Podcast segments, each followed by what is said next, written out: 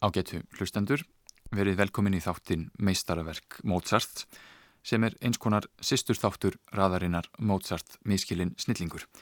Þar er megin áhersla lögða æfi Mozart en hér fær tónlistin sjálf að hljóma ótrubluð. Hérna hljómaði fyrsti þáttur úr pianokoncert nr. 20 í D-moll K466.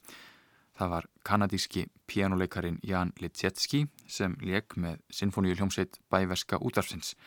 Kristján Sakarias stjórnaði. Mozart samti konsertin í D-moll í Vínarborg í februar 1785 fyrir tónleikaröð sem hann emdi til í borginni þá um vorið. Vonir hans um starf við keisarahyrðina eða óperuhúsið voru orðnarað yngu og því þurft hann að skapa sín eigin tækifæri í stórborginni. Á árunum 1785 og 86 samti hann alls sex pianokonserta handa sjálfum sér að leika við slík tækifæri. Allt eru þetta konsertar sem í dag teljast meðal mestu mistarverka Mozarts og það eru einmitt kablar úr þessum pianokonsertum Mozart sem hljóma í þættinum í dag. Næst eru þetta tveir þættir, Adagio og Allegro Assai úr konsertinum nr. 23 í Adur K488 sem var samin rétt rúmu ári síðar. Það er Mitsuko Uchida sem leikur með ennsku kammerljómsettinni Jeffrey Tate stjórnar.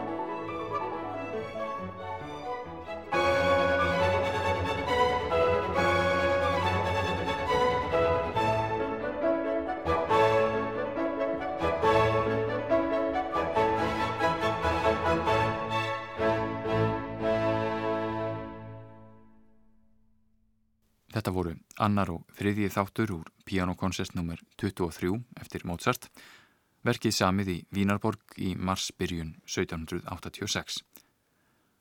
Mozart vann einstaklega hratt þegar sá gállin var á honum og aðeins 22 dögum setna hafði hann lokið við næsta pianokoncert.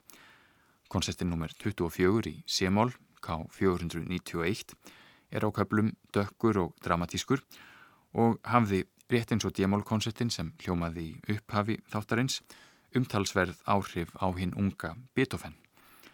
Hér heyrum við annan og þriðja þátt, Larghetto og Allegretto. Það er enn Mitsuko Utsita sem leikur á piano með ennsku kamerljómsettinni. Ég minni líka á sýstur þáttin Mozart miskilin snillingur þar sem fjallaður um æfi og örlög Mozarts. Í næsta þætti verður meðal annars fjallaðum óperuna Brúkaup Fíkarós og um samskipti þeirra Mozarts og Antonios Salieri sem hefur í nærri 200 ár verið bendlaður við ótímabært andlát Mozarts. Góða stundir.